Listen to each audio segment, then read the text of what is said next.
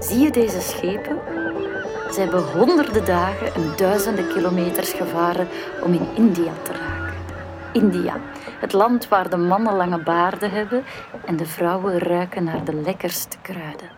Kaneel, gember, kurkuma en citroengras.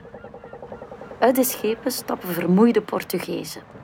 Ze zijn zoveel dagen op zee geweest dat ze wankelen als ze eindelijk weer vaste grond onder hun voeten voelen. Een van de Portugezen heet Paulo. Madre Maria, roept hij als hij aan land komt. En hij kust wel tien keer achter elkaar de aarde. Madre Maria, Madre Maria.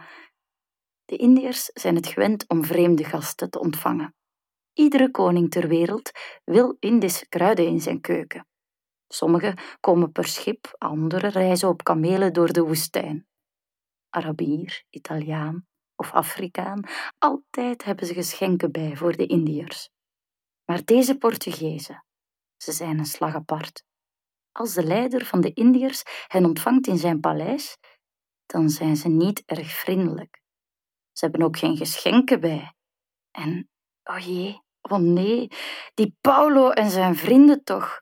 Als ze naar het toilet moeten, vergissen ze zich van deur. Ze stappen per ongeluk het badhuis binnen. Wie zit daar te baden? Wel zeker twintig naakte godinnen. Paulo excuseert zich nog. Disculpe, roept hij. Maar het is te laat. De godinnen veranderen hen in allerlei beesten. Tijgers, ganzen en kamelen. Zie je ze alweer vertrekken met hun schepen? Paulo is nu een eenhoorn. Zie je hoe hij aan boord wordt gehesen? Hij hinnikt als een paard. Als je goed luistert, hoor je hem briesen. Madre Maria.